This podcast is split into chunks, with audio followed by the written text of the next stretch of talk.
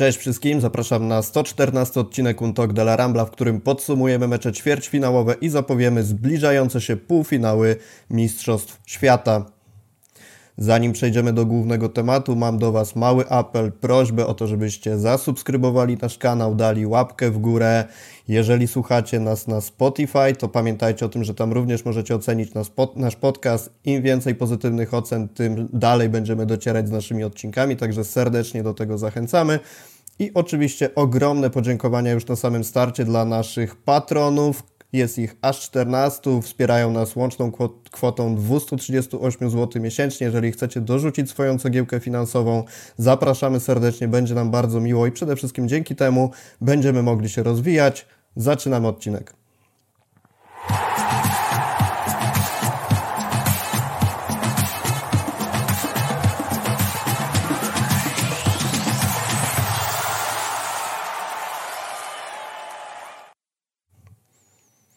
Cześć Błażej, miło mi Cię widzieć ponownie w podcaście. Cześć. Jak Ci się podoba dotychczasowy mundial? Jesteśmy już po jednych ósmych, po jednej, jednych czwartych. Można powiedzieć, że wchodzimy w decydującą fazę. Porozmawiajmy sobie o tym chwilę. Zacznijmy od tego w ogóle, co najważniejsze, bo e, dalej gra Francja, co oznacza, że Polska wypadła z mundialu. I myślę, że musimy zaznaczyć trochę ten temat, mimo że Mundial poszedł już trochę dalej, to, to warto o Polakach wspomnieć. Mecz Polska-Francja przyniósł nam trochę emocji. Mam nadzieję, że przede wszystkim tych pozytywnych po tej dosyć słabej fazie grupowej. Jak widzisz ten mecz? Co tam, co tam nie zagrało? Co nie zagrało? Kylian Mbappé, można powiedzieć. Nie zagrał, bo to, to, to gdyby nie on, to może i Polska miałaby szansę faktycznie Francję pokonać. Ja bym się skupił na pozytywach, bo tych pozytywów było więcej, zwłaszcza w kontekście tego, co widzieliśmy wcześniej, niż, niż tych negatywów. Nie wiem, jak ty na to patrzysz, no ale według mnie tych pozytywów było więcej niż negatywów w tym meczu. Zdecydowanie, patrząc na to, jak wyglądała faza grupowa, to musimy sobie jasno powiedzieć, że wreszcie z Francją mogliśmy oglądać no, coś przynajmniej na miastkę futbolu, bo Naprawdę to, co się działo w meczach chociażby z Argentyną czy z Meksykiem, to trudno jakąkolwiek e, piłką nazwać. Natomiast mam wrażenie, że dużą rolę w tym wszystkim pełniło to, że z Polaków został zdjęty ciężar tego wyjścia z grupy, że oni wreszcie poczuli się tacy uwolnieni i już nic nie musieli. Nie wiem, czy się ze mną zgodzisz w tej kwestii. Je, tak, na pewno, ale ja jednak cały czas mam wątpliwości, czy taka gra to był pomysł e, Czesława Michniewicza, czy być może jednak był to pewien przejaw buntu nawet piłkarzy, bo e, w pozostałych meczach to co, się, to, to, co mnie najbardziej uderzyło, to to, że w pozostałych meczach największy atut środka pola e, reprezentacji Polski, czyli e, Piotrek Zieliński, w ogóle nie miał piłki praktycznie. Bardzo mało miał kontaktów z piłką. A w meczu z Francją nagle był trzecim zawodnikiem w ogóle na placu, jeśli chodzi o celne podania. Chyba więcej miał tylko Kiwior i i nie wiem, czy, czy nie Chouamani, a więcej kluczowych podań miał tylko Griezmann, czyli to wyraźnie pokazuje, że jak opieramy swoją grę na naszym największym atucie w środku pola i większość akcji przychodzi przez niego, to nagle się okazuje, że my możemy coś zrobić. Tak samo nagle Cash zwolniony tylko i wyłącznie z defensywy, mogący podłączać się do akcji ofensywnych i się okazuje, że Kamiński jak ma z kim współpracować, to potrafi też się pokazać naprawdę z dobrej strony i troszkę tych Francuzów e, Polacy postraszyli i myślę, że to jest wszystko, na co było stać tą reprezentację akurat w tym meczu. Gdyby może losowanie było inne, albo gdybyśmy zajęli pierwsze miejsce w grupie, to kto wie, czy nie gralibyśmy w ćwierćfinale nawet. Ja też sobie spojrzałem na to, jak Piotrek Zieliński wyglądał w tym spotkaniu i okazuje się, że bardziej pod kątem kontaktów z piłką na to sobie zerknąłem niż e, podań, natomiast 79 na 178 kontaktów e, zanotował w tym meczu, patrząc, porównując do całego mundialu. Wobec tego wychodzi, że średnio na mecz w poprzednich spotkaniach notował 33 kontakty z piłką, tu 79, także rzeczywiście widać, że był częściej pod grą. E, do tego 5 na 12 okazji do strzału, jakie wykreował, to również w tym spotkaniu w porównaniu do całego mundialu. Dlatego tu pytanie, czy to jest zawodnik, na którym reprezentacja Polski powinna opierać swoją grę, bo no nie wiem jaka będzie sytuacja z Lewandowskim. Ja zakładam raczej, że on w reprezentacji pozostanie, ale być może to właśnie Zieliński jest tym człowiekiem, na którym Michniewicz bądź jego następca, tego ciągle nie wiemy, powinien reprezentację oprzeć. Zdecydowanie, nawet, nawet gdyby Lewandowskiego rzeczywiście w tej kadrze zabrakło z jakichś powodów, to tych napastników wbrew pozorom mamy kilku, którzy mogliby może nie takie liczby zapewnić jak Lewandowski, ale te bramki strzelać. Natomiast pomocników takich jak Zieliński nie mamy. I wydaje mi się, że poszukanie współpracy na skrzydłach, czyli boczny obrońca i skrzydłowy, takiej, która jest dość charakterystyczna w ogóle dla tych najlepszych, przynajmniej za moich czasów, meczów reprezentacji Polski, oraz właśnie e, oparcie gry na takim najlepszym jakościowo pomocniku, który mógłby te akcje rozprowadzać, to jest najlepsze, co reprezentacja Polski może zrobić, zwłaszcza, że Kiwior na przykład w tym wyprowadzeniu piłki jest bardzo dobry i to może pomóc wyprowadzać te akcje nawet e, po przechwycie gdzieś tam w polu karnym, bo było kilka takich sytuacji, gdzie piłka szła od razu do środka pola, a nie tak jak zwyczajowo e, we wcześniejszych meczach reprezentacji Michniewicza laga gdzieś tam na skrzydło do nikogo. Także tutaj jest jakaś baza do budowania tej kadry. Ja akurat nie jestem zwolennikiem Czesława Michniewicza, wolałbym, gdyby on zakończył tą pracę z reprezentacją, natomiast uważam, że jaki trener by nie trafił, to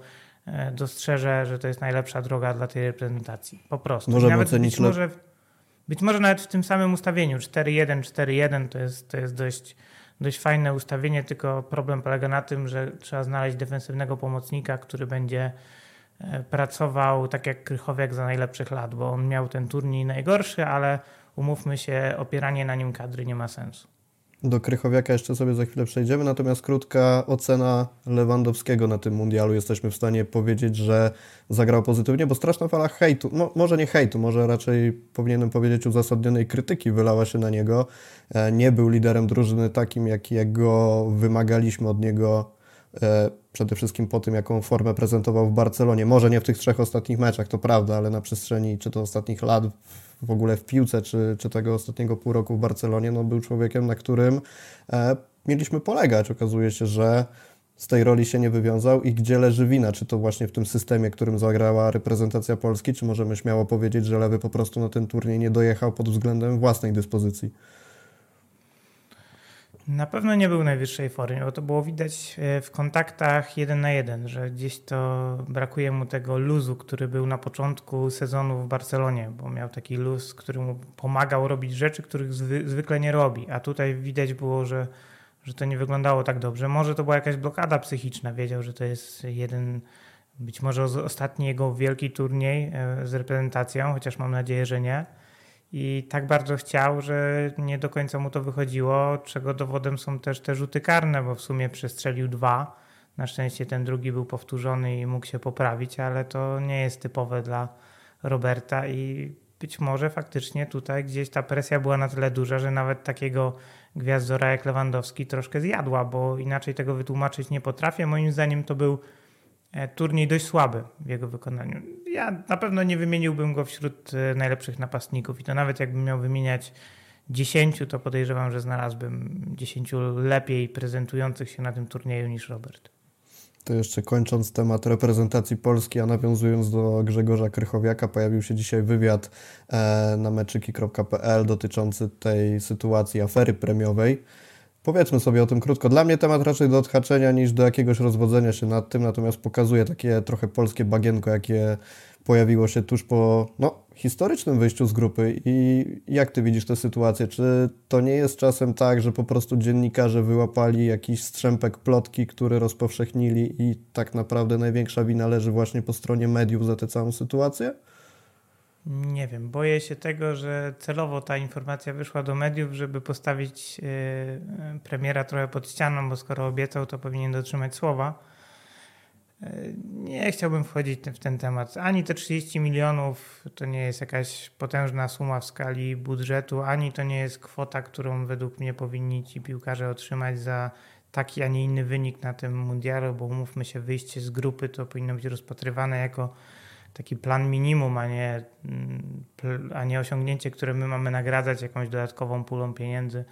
Wydaje mi się, że im szybciej ta sprawa ucichnie, tym lepiej i dla kadry, i dla Roberta, bo już nawet e, hiszpańskie, katalońskie media o tym pisały, co na pewno e, mu nie pomoże. No to przechodzimy w takim razie dalej. Ja też zgadzam się z tym, że już wszystko zostało powiedziane, a gdzie leży prawda, to pewnie nigdy się nie dowiemy. Hiszpania, Maroko. Jeden z faworytów do wygrania całego mundialu, natomiast okazało się, że wcale nie Hiszpania tym faworytem jest. Może trudno w tej sytuacji mówić o, o Maroko jako faworycie, ale z tej, z tej pary, która zagrała ze sobą, zdecydowanie Maroko zaprezentowało się lepiej. I co zgubiło Hiszpanów tak naprawdę? Bo rozmawialiśmy sobie bardzo dużo o tym, jak Hiszpanie będą grać, jak Luis Enrique ma plan na tę drużynę, po czym okazuje się, że w zasadzie na bardzo wczesnym etapie mundialu Hiszpanów już w grupie nie ma, a Luis Enrique trenerem kadry nie jest. Co nie zagrało? Hmm.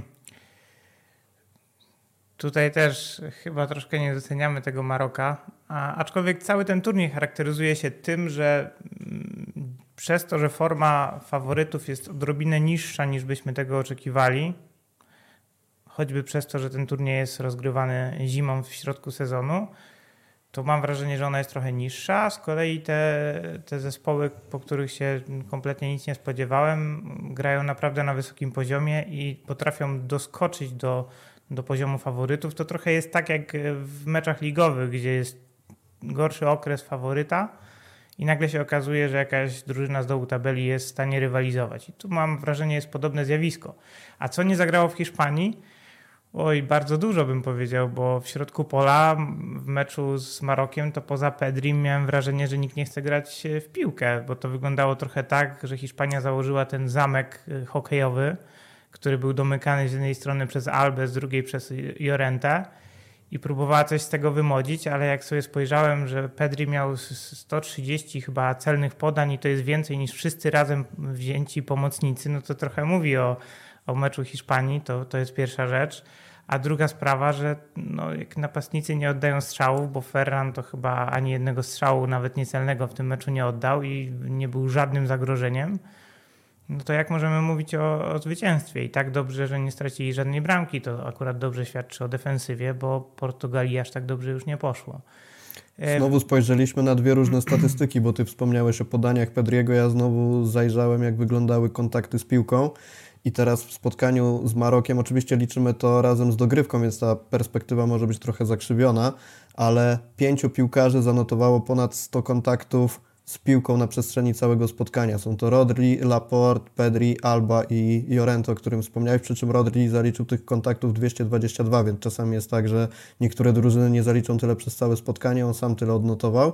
Dla porównania Argentyna, która również doprowadziła do dogrywki, nikt do dogrywki do karnych. Nikt z zespołu przez 120 minut nie zanotował więcej niż 100 kontaktów z piłką. Otamendi miał najwięcej, to było 99, a wracając do Hiszpanii, 25 kontaktów z piłką całego zespołu w polu karnym. No, dla mnie to jest coś niesamowitego, ale tak naprawdę oddaje obraz tego, co zaserwowała nam ekipa Enrique, bo widać było, że oni męczą się w środku pola i mimo, że to rozgrywanie jest, to bardziej przypominało to tę e, złą stronę tiki-taki, o której wspominał Guardiola, że to jest podawanie dla podawania, a nie podawanie dla strzelenia bramki. Są dwa sposoby, moim zdaniem, na to, żeby taką obronę e, pokonać. Pierwszy to jest sposób, który próbuje grać Argentyna i Francja, czyli wpuścić e, drużynę na własne pole karne, może nie na własne pole karne, ale na własną połowę i szukać momentów, w których można przejąć piłkę i zaatakować szybko. I to akurat z Polską, Francuzom wychodziło, zadziałało bardzo dobrze, ale nie zawsze e, przeciwnik jest gotów, żeby podjąć rękawicę i czasem będzie czekał na to, co się wydarzy. A druga metoda polega na tym, że e, jest na tyle dużo wypracowanych schematów i one są e, realizowane przez tak dobrych piłkarzy, że każda akcja kombinacyjna to jest akcja nie trzech zawodników w porywach do czterech, tylko pięciu, sześciu, nawet ośmiu.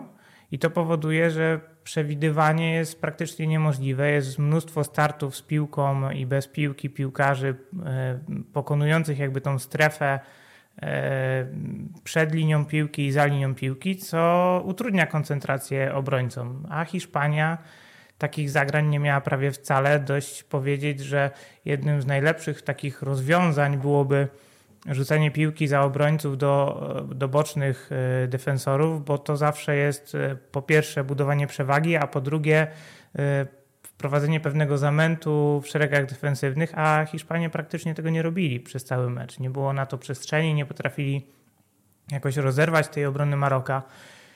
No i zapłacili najwyższą cenę, jaką mogli zapłacić. inaczej trochę patrzę na ten mecz po tym, co zobaczyłem e, w meczu Maroka z Portugalią, bo, bo to troszkę zmienia perspektywę i zobaczymy, co będzie dalej, jak Maroko e, się zaprezentuje w półfinale, bo to może być powtórka z rozrywki nawet, kto wie, że, czy nie zobaczymy czegoś podobnego, bo jak zacząłem się później e, zapoznawać dokładnie z kadrą Maroka i zobaczyłem sobie, że ok, Saiz 1,90 m wzrostu, stoper Besiktaszu, ale już na przykład Agert to jest kupiony za blisko 40 milionów euro z Ren do West Hamu e, obrońca, który jest e, typowany na jednego z lepszych być może w Premier League w przyszłości i na pewno na to, na to liczą Anglicy, bo wydali na niego naprawdę spore pieniądze.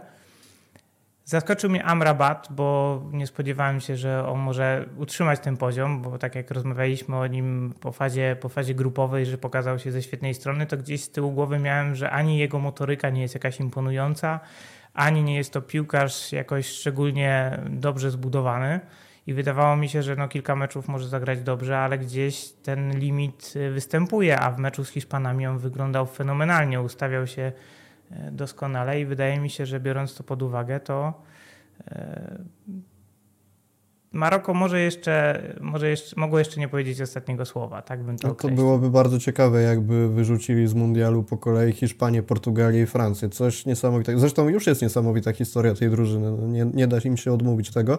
Ja wspomnę tylko jeszcze jedną rzecz, bo przed rozpoczęciem mundialu, jak było takie generalne typowanie, kto może być czarnym koniem, mignęło mi na Twitterze, że Maroko i wtedy trochę w to nie dowierzałem. Potem spojrzałem na skład, mówię, a może, może rzeczywiście coś w tym jest. No i okazuje się, że rzeczywiście półfinał coś niesamowitego. Piękna historia. Może się okaże, że Samuele to dobrze typowo Maroko w finale. Tak, no bo masz, masz do, oprócz tego, że masz piłkarzy, którzy jakościowo wcale, jak się okazuje, nie są e, na niskim poziomie, to dodatkowo jak spojrzysz na warunki fizyczne całej tej kadry, to jedynym jedynym piłkarzem, e, który ma poniżej 1,80 m to jest chyba Bufal, który się ze świetnej strony na skrzydle pokazuje, a cała reszta tej kadry to są piłkarze powyżej 1,80 m, czyli wysocy, dość szczupli, szybcy. I to daje pewną przewagę, zwłaszcza z takimi drużynami jak Hiszpania, ale totalnie mnie zaskoczyło to, że nagle Agert wypada ze składu, wskakuje do niego obrońca Realu Valladolid, który umówmy się nie jest wielką, wielką ekip, ekipą w Hiszpanii, tak? I El Yamik gra z Portugalią na poziomie, którego ja bym na przykład po nim w życiu nie oczekiwał. No nie jest zły obrońca, nawet w Hiszpanii się pokazał z dobrej strony, bo gdzieś tam mi mignął już wcześniej, ale, ale nie spodziewałbym się, że on będzie w stanie zatrzymać tak naszpikowaną e, kreatywnymi gwiazdami Portugalię, a jakoś sobie bez większych problemów poradził. Więc to jest naprawdę silna ekipa. Przeszliśmy sobie dosyć płynnie do Maroka. Ja bym jeszcze jedną rzecz chciał wspomnieć, dwie rzeczy odnośnie do Hiszpanii. Pierwsza rzecz to, co mówiliśmy już wielokrotnie, że brakowało według mnie e, dziewiątki, która by tam rzeczywiście wykorzystywała okazję. Dosłownie jedna statystyka, strzały celne na całym mundialu w wykonaniu Asensio to są dwa, e, dwa celne strzały na 10 oddanych, z czego jeden gol. E, Olmo 5 celnych strzałów na 10 oddanych, również jeden gol. XG w przypadku tej dwójki to jest 1 i 2 przez e, 4 mecze. Mówi samo za siebie moim zdaniem. A nie masz takiego poczucia też, że być może dla Gawiego to było jednak za wcześnie, żeby na takim turnieju być podstawowym pomocnikiem, bo i z Niemcami nie, nie udźwignął tego, moim zdaniem, i w meczu z Marokiem też nie grał na takim poziomie, jakiego bym od y, pomocnika reprezentacji Hiszpanii oczekiwał. Jakby Ale z drugiej chyba... strony, kiedy posypał się środek pola, bodajże w meczu z Niemcami to było, e, Gavi zszedł, wszedł za niego Koke i było widać drastyczny spadek tego, co e, działo się w środku pola pod względem ambicji, jakości, pressingu itd., tak itd. Tak Więc może, może nie było tak, że Gavi za wcześnie wszedł w buty pierwszoplanowej postaci, ale może nie było na tyle dobrego zastępstwa, żeby grać kim innym. No nie wiem, teraz y, y, schedę po Luisie Enrique przejmie y, szkoleniowiec kadr U19 i U21, ile dobrze pamiętam, De La Fuente się nazywa. Tak, tak? Luis De La Fuente. I on akurat lubił grać w pomocy, nie wiem czy pamiętasz, z Mikelem Merino. I to nie jest tak, że ten Zgadza skład się. wyglądał zupełnie inaczej e, reprezentacji Hiszpanii, bo tam jest wiele punktów wspólnych z tym, co sobie wybrał na ten turniej Luis Enrique, ale być może ustawienie z Rodrim i Mikelem Merino i przed nimi e, właśnie Pedrim byłoby dużo lepszym rozwiązaniem niż gra z Busquetsem i z Gavim w tym turnieju. Tak po prostu sobie myślę, że, że gdzieś tam, o ile Gavi prezentuje mnóstwo jakości bez piłki, zwłaszcza w defensywie jest bardzo waleczny, to z piłką nawet może nie tyle z piłką, ale on nie potrafi sobie odnaleźć przestrzeni na boisku, żeby podanie mu tej piłki było e, korzystne dla zespołu i też nie oddaje tej piłki wystarczająco szybko i w, w, odpowiednim e, tempie, więc wydaje mi się, że on jeszcze nie jest pomocnikiem na taką grę, jaką prezentowała Hiszpania. Gdyby ta gra była bardziej bezpośrednia, miałby trochę więcej przestrzeni, ok, ale na ten zamek hokejowy, który sobie wymyślił Luis Enrique z Marokiem, to zdecydowanie nie jest taki piłkarz.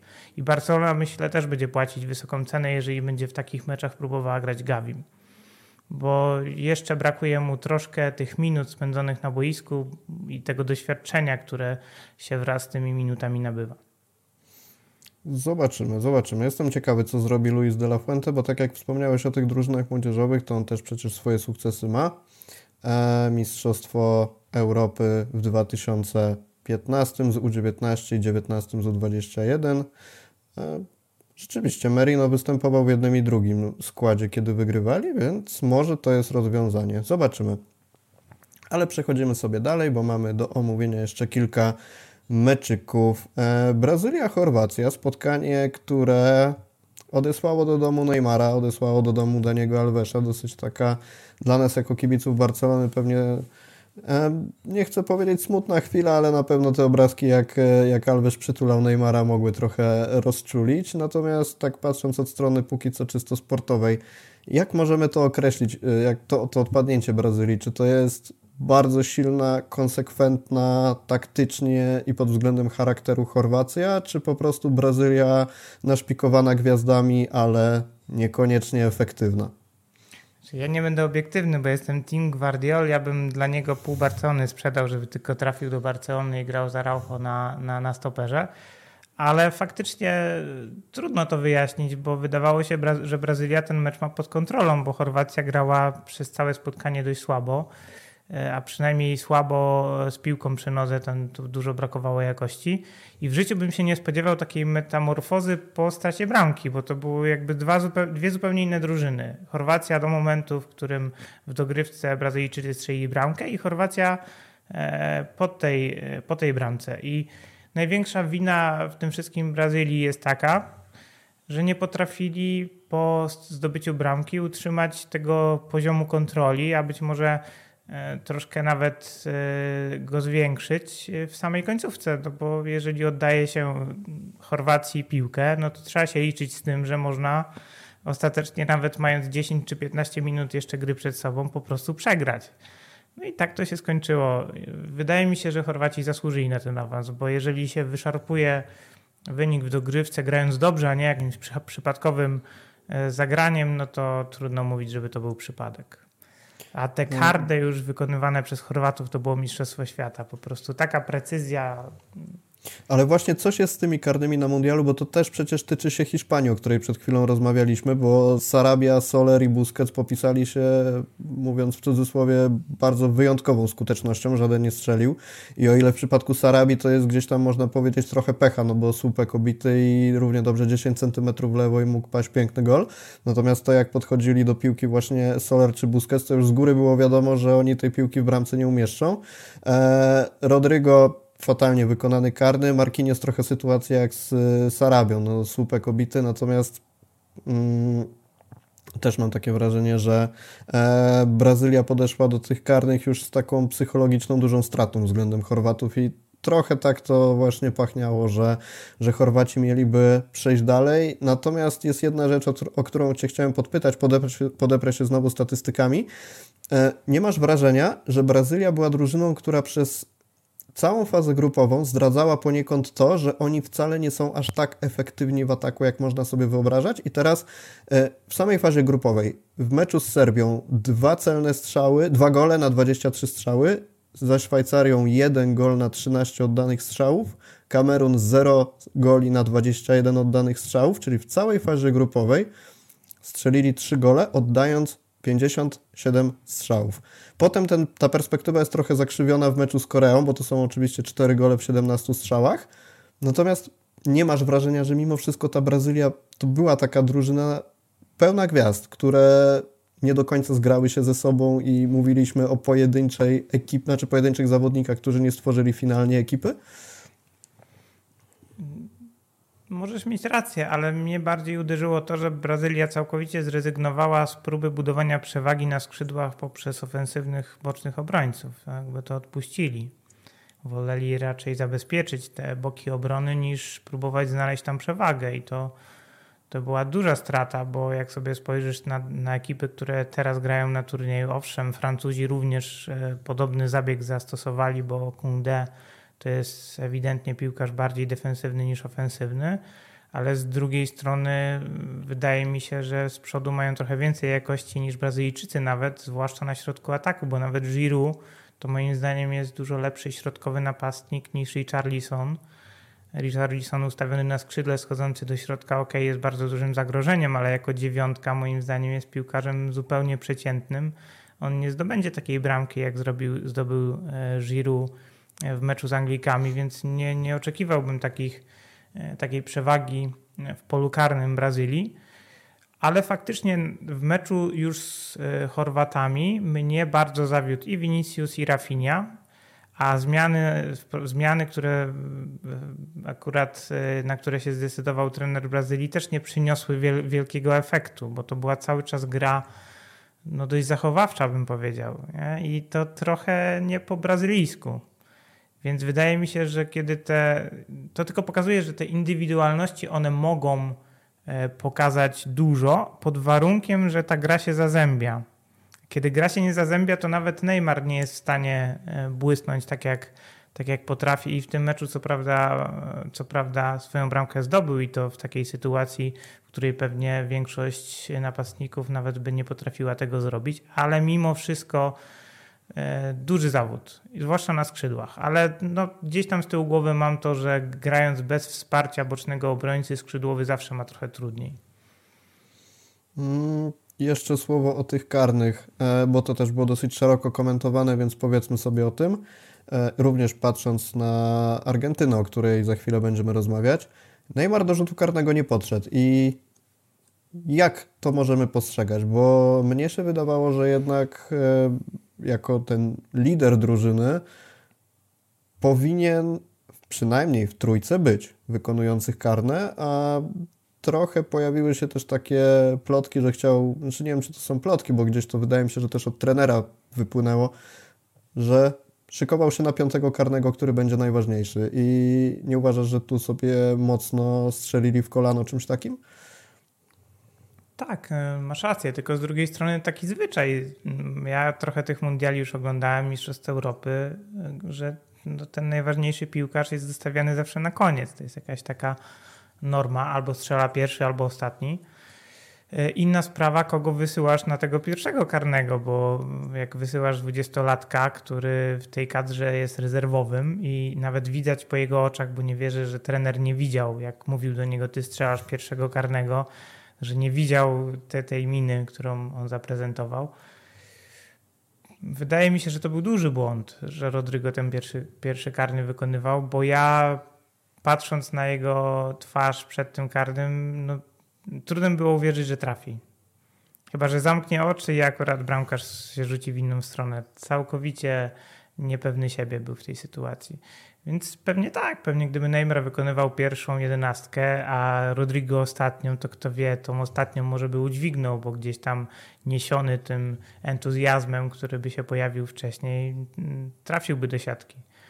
a tak wyszło, co wyszło.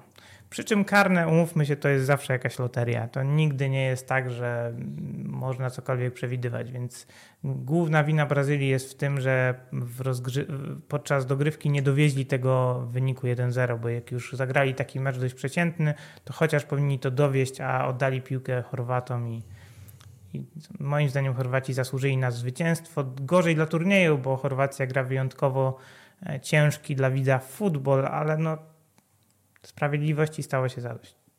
Gazel 1010 zadał nam pytanie na czacie o finał Chorwacja-Maroko, natomiast zostawimy je sobie na sam koniec, jak będziemy już typować, kto z półfinałów pójdzie dalej, ale bardzo dziękujemy za pytanie, wrócimy do niego.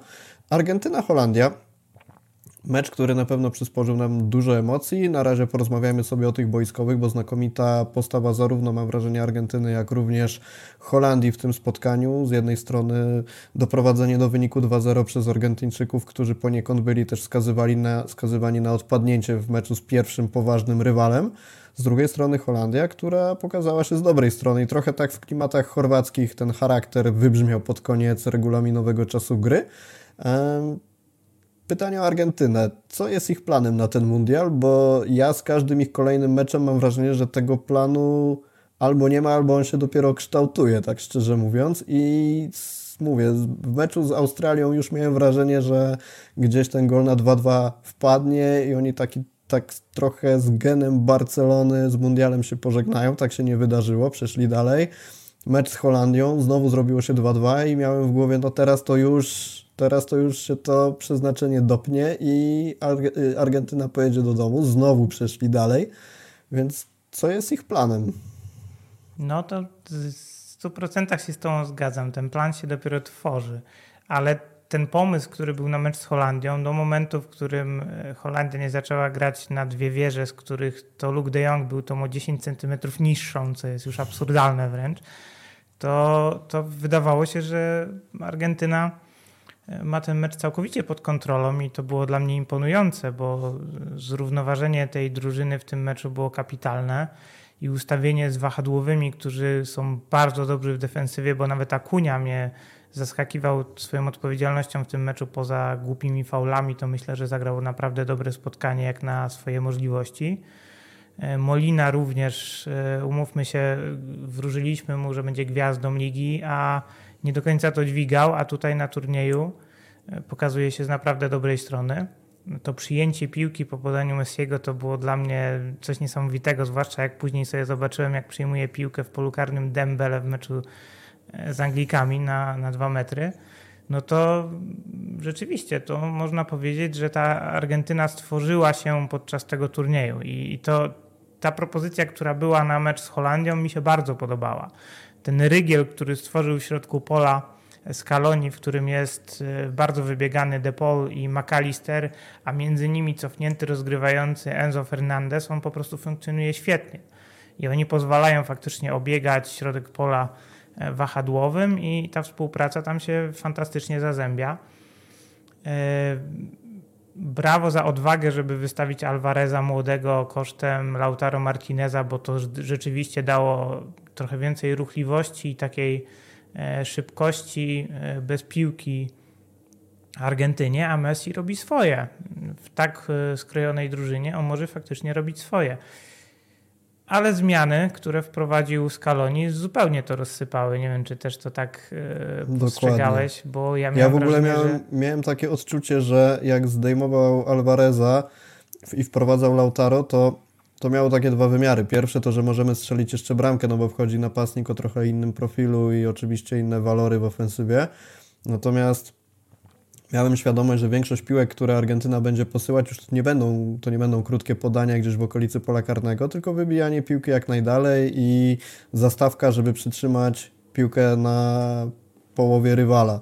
I teraz jak zobaczyłem różnicę w warunkach fizycznych między Alvarezem a Lautaro, oczywiście warunki fizyczne to nie wszystko, no doskonale o tym wiemy, natomiast zdecydowanie gdyby Alvarez został na boisku, byłoby im łatwiej to robić i szczerze mówiąc nie rozumiałem tej zmiany, tym bardziej biorąc pod uwagę co w ataku prezentuje Lautaro na tym mundialu. Wiem, że karny być może go przełamał i teraz pójdzie mu już trochę lepiej, bo ta bariera psychologiczna być może będzie zdjęta.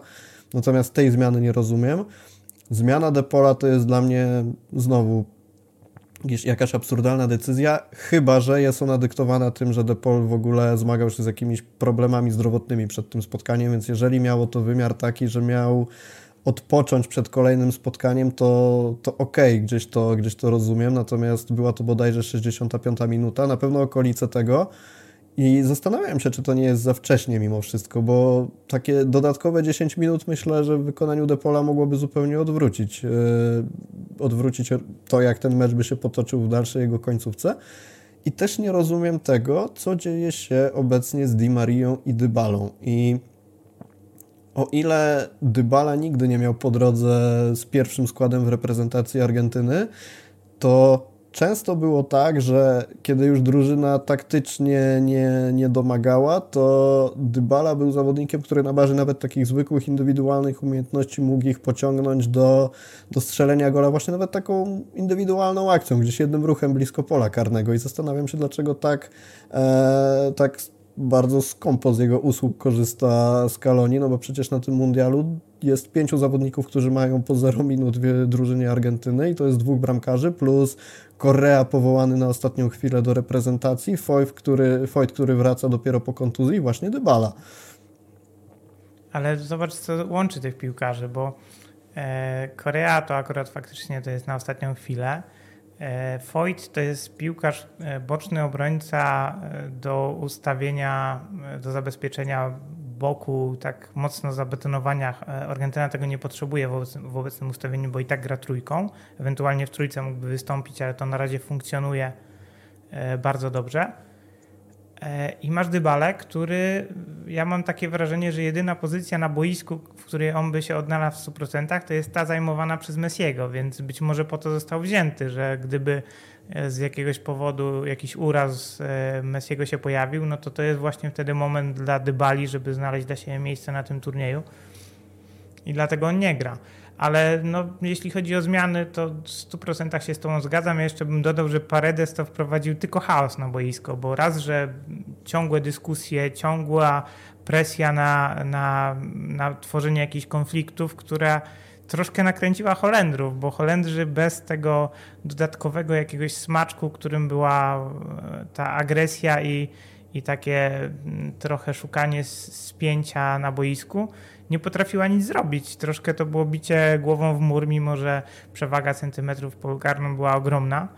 A później ten, ta bramka po ewidentnym błędzie w kryciu i wszystko nagle zaczęło się sypać jak taki domek z kart. I, i nagle ta zadziorność Paredesa w ogóle nie pomagała, wręcz przeciwnie, bo gra stała się dużo bardziej rwana, trudniej było utrzymać się przy piłce i Holendrzy tylko na tym korzystali, bo mieli mnóstwo stałych fragmentów gry, mnóstwo okazji gdzieś na dośrodkowanie z bocznego sektora po aucie. Pierwsza piłka lądowała e, w polu karnym, więc wydaje mi się, że całościowo biorąc to pod uwagę, to te zmiany to były koszmarne.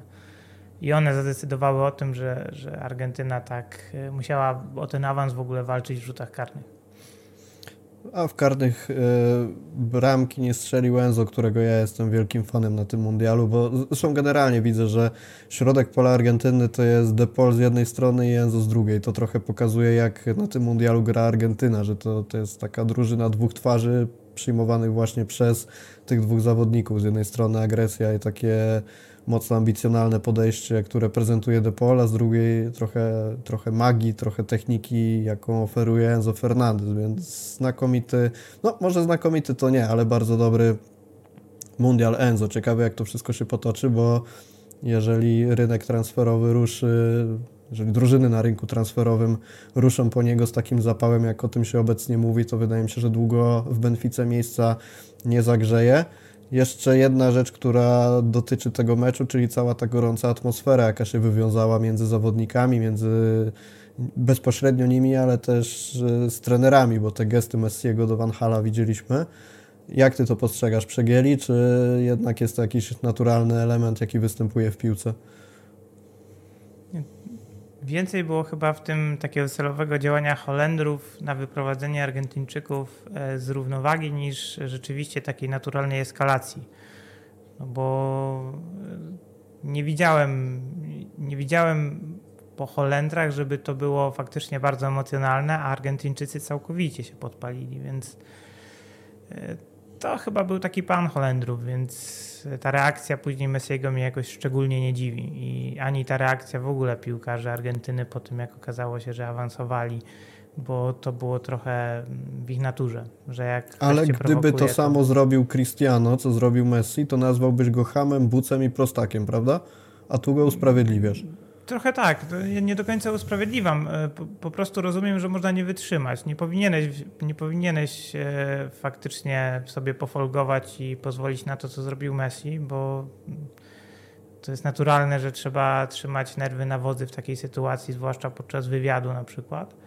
Ale no gdzieś rozumiem, skąd to się mogło wziąć, bo na początku byłem oburzony, a potem jak zacząłem sobie oglądać fragmenty tego spotkania i jakieś tam urywki, filmowe, to rozumiałem, gdzie to się zrodziło i, i to napięcie mogło coś takiego wywołać. Oczywiście tego nie pochwalam, wręcz przeciwnie, mm, piętnuję, ale wiem skąd się to wzięło, potrafię się wczuć w tą sytuację i, i gdzieś tam bym poszedł z tym wszystkim dalej. Nie, nie starałbym się nad tym na dłużej e, zatrzymywać, zwłaszcza, że mm, no nie padły jakieś takie brutalne słowa mimo wszystko, prawda? To było bardziej takie jak na podwórku szkolnym. Padł jeden mocny strzał w stronę ławki rezerwowych. No, to był jedyny i na szczęście niecelny. Także... Niecelny. Znaczy, ja mam w ogóle takie wrażenie, że ta sytuacja jest trochę rozdmuchana, bo każdy, kto grał w piłkę wie, że jeżeli przez dwie godziny przeciwnik cię prowokuje i generalnie sytuacja jest bardzo napięta, no jednak mówimy o walce o półfinał mundialu, to gdzieś te nerwy mogą puścić. I ja tego nie pochwalam, ale momentami mam wrażenie, że piłka w każdym możliwym wymiarze, czy to rozpatrywanym przez media, czy to przez wśród kibiców, czy w ogóle na boisku stała się taka bardzo grzeczna i poprawna politycznie można powiedzieć. I czasem po prostu brakuje takiego ognia, jaki tu wystąpił. Mówię, nie pochwalam nazywania przeciwnika głupkiem przed rozpoczęciem wywiadu, bo to, to zupełnie nie o to chodzi, ale z kolei takie zaczepki zarówno ze strony Holendrów, jak i Argentyńczyków, bo nie chcę rozgrzeszać ani pochwalać ani jednych i drugich. Czasami jest to potrzebne po prostu i no nie wiem, ja mam takie wrażenie, że, że czasem tego w piłce brakuje i, i za dużo tej poprawności politycznej występuje. To Leo... było trochę dziecinne. No? Lepszego określenia nie ma. To było dziecinne. Po prostu.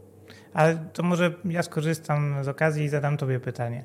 Pojedynek Dawaj. Frankiego z Messim.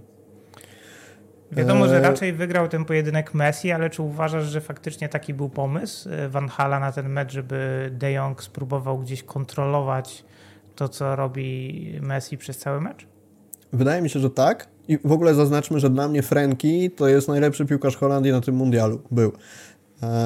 Bardzo przyjemnie się to oglądało i mówię to nie tylko pod kątem samego mundialu, ale też mając w głowie, że za chwilę wraca piłka klubowa i wobec z kolei słabej postawy Busquetsa w Barcelonie gdzieś gorąco liczę na to, że Franki będzie w Barsie przejmował jego rolę. Tak, wiesz co, ja momentami byłem wręcz zaskoczony tym, jak Franki dobrze spisywał się w środku pola, może nie walcząc bezpośrednio, bo to trochę przesadzone, natomiast próbując kontrolować to, jak Messi się w środku pola porusza i zachowuje.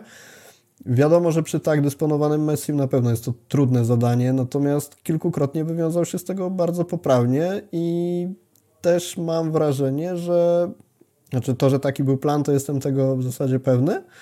Natomiast spisał się lepiej niż ja sobie zakładałem, że mógłby się spisać. Powiem tak.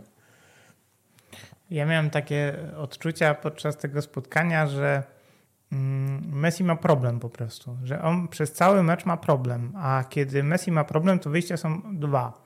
Albo zrobi coś genialnego, absolutnie genialnego, co przełamie ten mecz, albo, albo spuści głowę i będzie tak do końca sobie dreptał w tym meczu.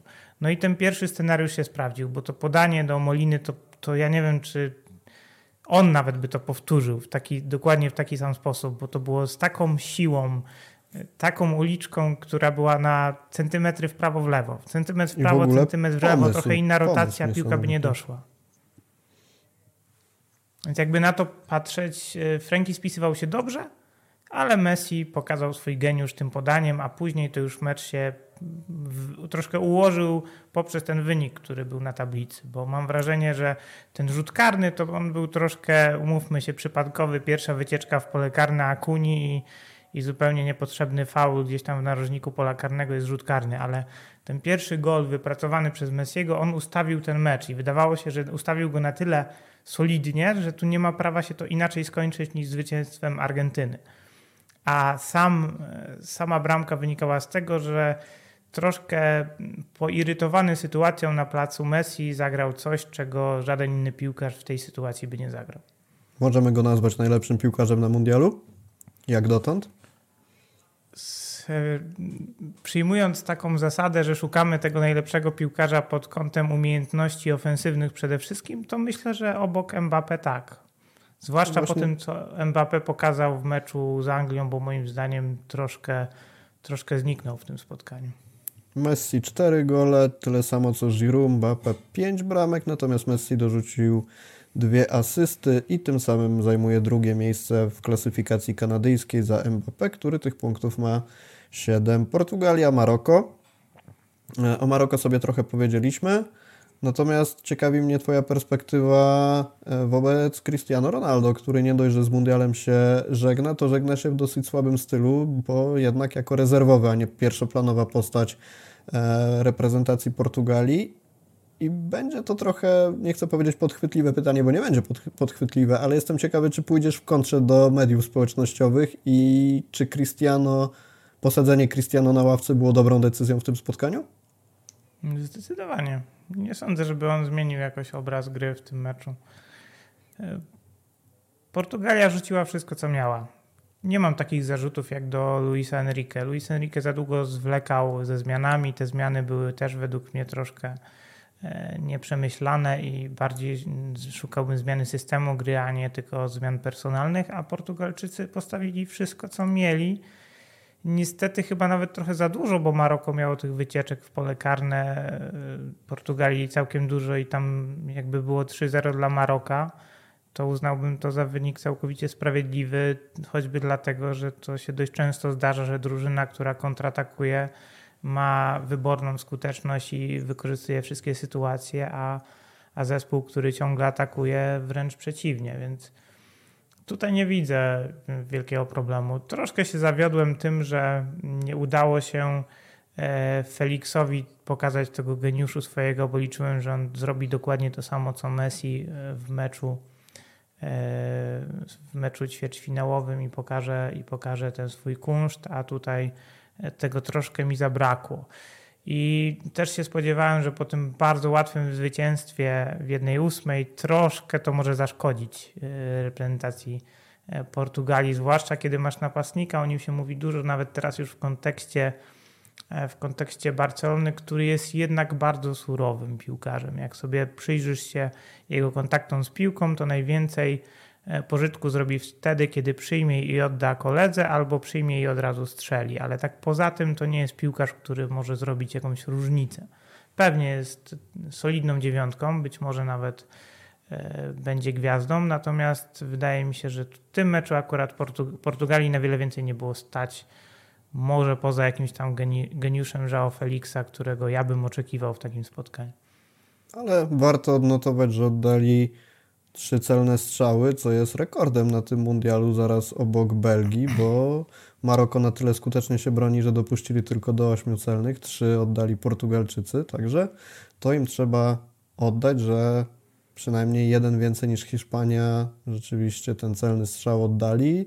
E, tak, ja się zgadzam, że Maroko było po prostu zbyt dobrze grającą drużyną w obronie, żeby Portugalia czymkolwiek im zagroziła. Natomiast zapytałem Cię o perspektywę Cristiano, bo Zastanawiałem się, czy to nie jest trochę tak, że w takim meczu musisz wystawić zawodnika, który swoim doświadczeniem, może nawet trochę bardziej ambicjami niż umiejętnościami aktualnymi jest w stanie pociągnąć drużynę, ale nie dałeś się wciągnąć w tę pułapkę, więc tu też się zgadzamy i, i ja też myślę, że przykry koniec z wielką piłką prawdopodobnie tego zawodnika, co trochę jest też smutne, szczerze mówiąc, bo te sceny jak schodził do szatni zalany łzami jako kibice Barcelony być może jest to takie niepopularne stwierdzenie, ale gdzieś mi tego zawodnika po prostu szkoda, że, że tak wygląda jego pożegnanie z piłką. Nie liczyłem na to, że wzniesie puchar, bo tego bym nie zniósł oczywiście, ale no smutny, smutny koniec.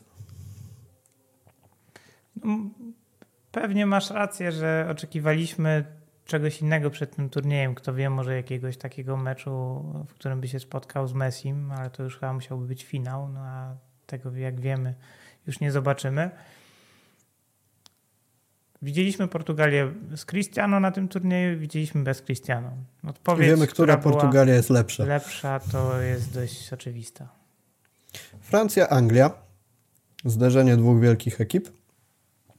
Zakończona tym, zakończona tym, że dalej gra Francja. Dla mnie było to coś spodziewanego, bo nie sądziłem, że Anglia im się postawi. Natomiast myślałem, że Francja mimo wszystko zagra dużo lepiej i jeszcze bardziej zaakcentuje swój tytuł faworyta do wygrania mundialu w tym spotkaniu. Natomiast no niewiele brakowało tak naprawdę, żeby doprowadzić do dogrywki, bo niewykorzystany karny Harego Kane'a, zupełnie przestrzelony, tak w stylu Davida Beckhama ze swoich, w cudzysłowie, najlepszych lat.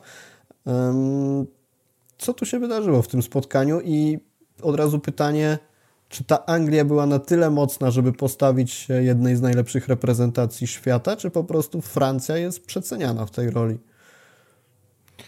Była. Anglia, Anglia ma mocną kadrę i w tym meczu właśnie to udowodniła, bo ja byłem zaskoczony tym, jak łatwo Anglicy byli w stanie się przecisnąć środkiem w okolice szesnastki, bo to było aż zadziwiające. I tak jak e, komentatorzy chwalili Chouameniego za za grę z piłką, to według mnie akurat w defensywie to się w tym meczu generalnie nie popisywał, bo piłka co rusz przelatywała e, dwa metry obok niego gdzieś w okolice e, pola karnego i tam było mnóstwo okazji do tego, żeby oddać strzał właśnie z tej okolicy. I gdyby Bellingham przymierzył troszkę lepiej, to być może ten karny nawet nie byłby potrzebny, bo tych okazji było naprawdę sporo do tego, żeby uderzyć z szesnastki. W samym polu karnym już było dużo trudniej okej, okay, tam w polu karnym tego miejsca aż tyle nie było, ale też były błędy, więc jakbyśmy zebrali to wszystko do kupy i zastanowili się, jak zagrała Francja w tym meczu, no to nie miała za bardzo recepty na to, żeby powstrzymać Anglików przed dojściem w okolice pola karnego i tylko tą dość desperacką obroną momentami w polu karnym była w stanie odpierać ataki Anglików. I kompletnie się nie zgadzam z tym, co przeczytałem w internecie e, zaraz po tym meczu, że że to właśnie Francuzi zagrali taki wyrachowany futbol i, i, kiedy było trzeba, to zdobyli bramkę po prostu, która dała im awans do, do półfinału. Ja mam wrażenie, że zupełnie nie mieli kontroli nad tym meczem. I tak jak w meczu z Polską Mbappé po prostu ich dźwignął e, do tego awansu, tak tutaj nawet e, Kilian nie był w stanie rzeczywiście e, tego zrobić. I trochę mi było szkoda Anglików, mimo że przed samym meczem troszkę bardziej sympatyzowałem z Francuzami, to po przebiegu meczu było mi trochę faktycznie szkoda Anglików i, i wydaje mi się, że zasłużyli na, na brawa po tym meczu, bo uważam Francuzów za najlepszą kadrowo drużynę na tym turnieju. Mimo tylu tak- kontuzji. Tak, mimo tylu tak, kontuzji. I, I zagranie takiego meczu przeciwko Francuzom wymaga naprawdę i jakiegoś planu taktycznego, i jakości E, na boisku i widzieliśmy zarówno jedno, jak i drugie. I nawet te zmiany troszkę rozruszały tą drużynę. Także to był mecz trochę kompletny dla mnie Anglików, bym nawet powiedział, bo e, potrzebne były reakcje, one się pojawiały. Francuzi są troszkę, tak jak mówisz, e, mam wrażenie, pompowani na tym turnieju. I nawet taka retoryka komentatorów, że to jest drużyna, która gra to, co chciała grać, że wciąga przeciwników w swój futbol, tego dokładnie oczekuje. Ja bym się z tym zgadzał, e, gdyby efekt był taki jak w przypadku Argentyny, że tych sytuacji nie ma, że każde dośrodkowanie jest wybijane, że w ogóle wejście w pole karne jest prawie niemożliwe. W przypadku w tym meczu Anglii z Francją to tak nie wyglądało. Hmm, powiedzmy sobie o Giroud, chyba największy beneficjent kontuzji Karima Benzemy. E, I powiedzmy sobie o Griezmannie, bo według mnie obok Kiliana Mbappé ten duet stanowi o sile reprezentacji Francji. Jesteś zaskoczony tym, co prezentuje Giroud i, prezentują Giroud i Griezmann, bo dużo się mówiło o postaciach, które mogą być decydujące w swoich reprezentacjach. Oczywiście Polska Lewandowski w skali tego, co mieli pokazać, Polacy na mundialu, Argentyna Messi, wiadomo ale mówiąc o Francji, cały czas mówiło się o Mbappé, a tu okazuje się, że może nie pierwszoplanową postacią, nie pierwszoplanowymi postaciami są Giroud i Griezmann, ale wydaje mi się, że ta, ten dystans bardzo mocno zmniejszyli swoją formą do Mbappé. Tak, i Giroud mnie zaskoczył całkowicie, bo ja myślałem, że to będzie potężna strata dla Francji, brak Benzemy. Że to będzie naprawdę duży, duży cios. A tu się okazuje, że Giroud akurat na, na ten turniej był rewelacyjnym napastnikiem, bo podobnie jak Ennesiri w Maroku ma te centymetry i potrafi je wykorzystać. I w tym meczu z Anglikami to jak on uciekł e, znakomicie Maguire'owi i, i, i to skończył, to jest e, klasa. I on mógłby przez cały mecz nie mieć kontaktu z piłką i taką bramkę zawsze może strzelić, więc to jest ta przewaga, którą się ma, kiedy posiadasz dziewiątkę na boisku, a kiedy jej nie masz, no to jest wtedy dużo, dużo trudniej, bo, bo nie zmienisz sobie nagle stylu gry mm, w momencie, w którym jest to konieczne. Więc tak, zgadzam się. A Griezmann też mnie troszkę zaskoczyło to, jak on potrafił wypełnić ten, tę lukę, która w, którą w środku pola e, powstaje w momencie, w którym Francja gra takim, a nie innym ustawieniem, bo umówmy się, kiedy na jednej stronie jest Dembele, na drugim Mbappé, z przodu jest Giroud, no to nie może być tak, że ty jesteś typową dziesiątką i nie pracujesz w defensywie, a Griezmann pracuje w defensywie no jak mało który napastnik, a być może nie ma drugiego takiego napastnika, który by tak pracował. W tym meczu akurat strasznie dużo faulował, co według mnie i tak yy, miał mnóstwo szczęścia, że tej kartki nie obejrzał wcześniej, yy, ale bo to mogłoby troszkę faktycznie zmienić obraz gry, moim zdaniem, ale tak całościowo faktycznie masz rację. Akurat jeśli chodzi o E, o Griezmana i Giroud to są największe dla mnie zaskoczenia i nawet to nie jest tak, że Mbappé odjechał od nich na tym turnieju. To jest tercet, który trzyma tą Francję, jeśli chodzi o, o, o, ten turniej jako, jako tercet, jako faktycznie dobrze funkcjonujące połączenie między tymi piłkarzami. I nie pomijałbym Dembele, bo on jednak e, pomaga im bardzo, tworząc tą przestrzeń. Ucieka, E, wykorzystuje szybkość, nie potrafi tego do końca wykorzystać, ale to też jest e, czynnik, który pomaga Francji faktycznie utrzymywać taką efektywność, jaką ma, bo ta efektywność jest imponująca. Nawet kiedy grają przeciętny mecz, to potrafią go sobie ostatecznie wygrać. Kwestii Giroud serdeczne pozdrowienia dla Maćka Miko, który w podcaście przedmundialowym powiedział, że rzeczywiście tak będzie i kontuzja Benzemy wyjdzie Francji na dobre. Przejdźmy sobie do półfinałów. Argentyna, Chorwacja i Maroko, Francja. Gazel 10-10, pamiętamy o Twoim pytaniu. I czy ewentualny finał Chorwacja-Maroko będzie okropnie nudny? W ogóle, czy może dojść Błażej do takiego finału? Oczywiście, że może. I czy będzie nudny? E, to, a może być albo Zależy, bardzo co nudny, rozumiemy przez nudny. Tak, może być albo bardzo nudny, albo bardzo ciekawy, bo kiedy obie drużyny preferują taki, a nie inny futbol, to albo możesz mieć partię szachów, albo któraś z drużyn może e, spróbować czegoś innego, co otworzy bardzo mecz. Oczywiście, jako e, tutaj zupełnie bezstronny kibic, wolałbym, gdyby do takiego finału nie doszło. Po prostu. Wolałbym, jeżeli któraś z tych drużyn ma awansować, to tylko jedna.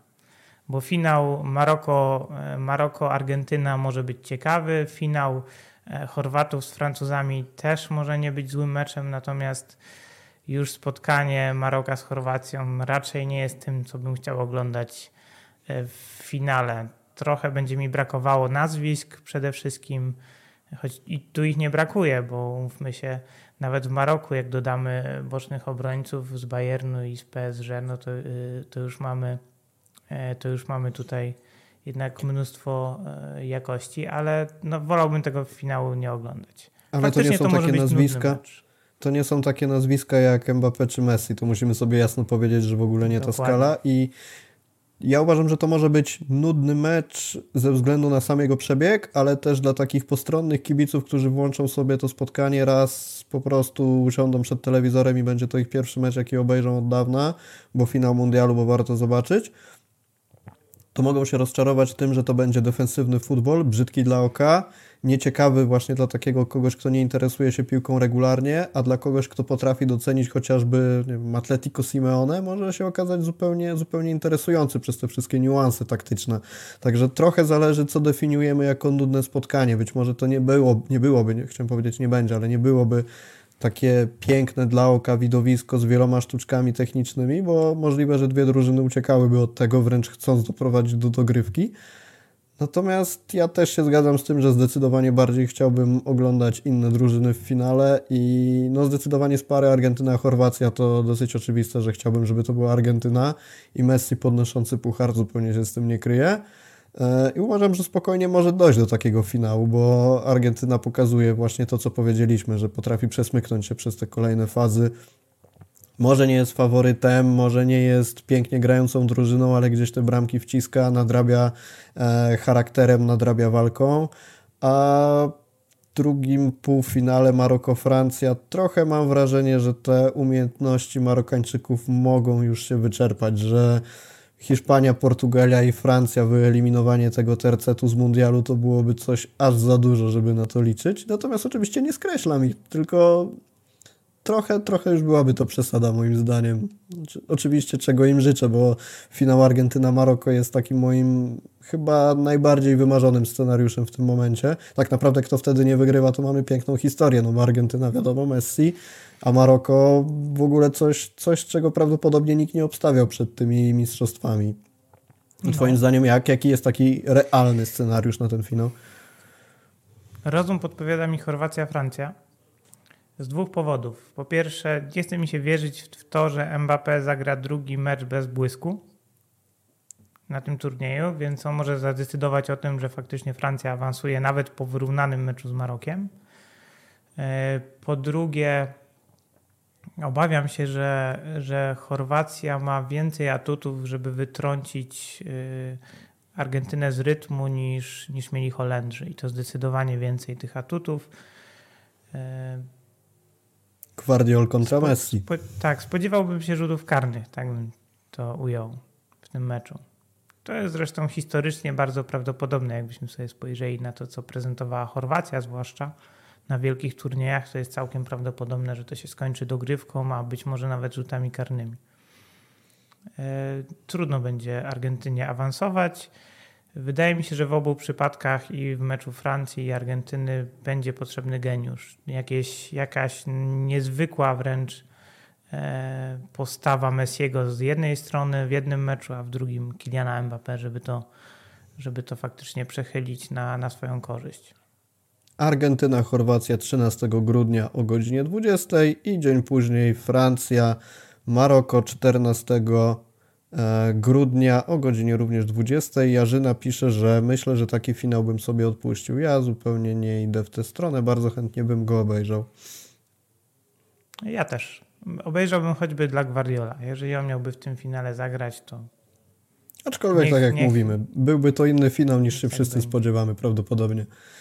Dobra, Błażej, będziemy sobie kończyć, myślę. Po półfinałach, mam nadzieję, jeszcze się w ramach Untok de la Rambla połączymy z naszymi słuchaczami. Na ten moment kończymy. Zachęcamy wszystkich, tak jak też wspominałem na początku, do subskrypcji naszego kanału, łapek w górę, oceny podcastu na Spotify. Wszystkim patronom dziękujemy za wsparcie i serdecznie zapraszamy do poszerzania tego grona przez kolejnych patronów. Link znajdziecie na pewno w opisie filmu. Odnośniki są też na stronie fcbarsa.com, gdzie także serdecznie Was zapraszamy. Błażej Gwozdowski, dziękuję bardzo. Dzięki. Do usłyszenia w kolejnych odcinkach. Na razie.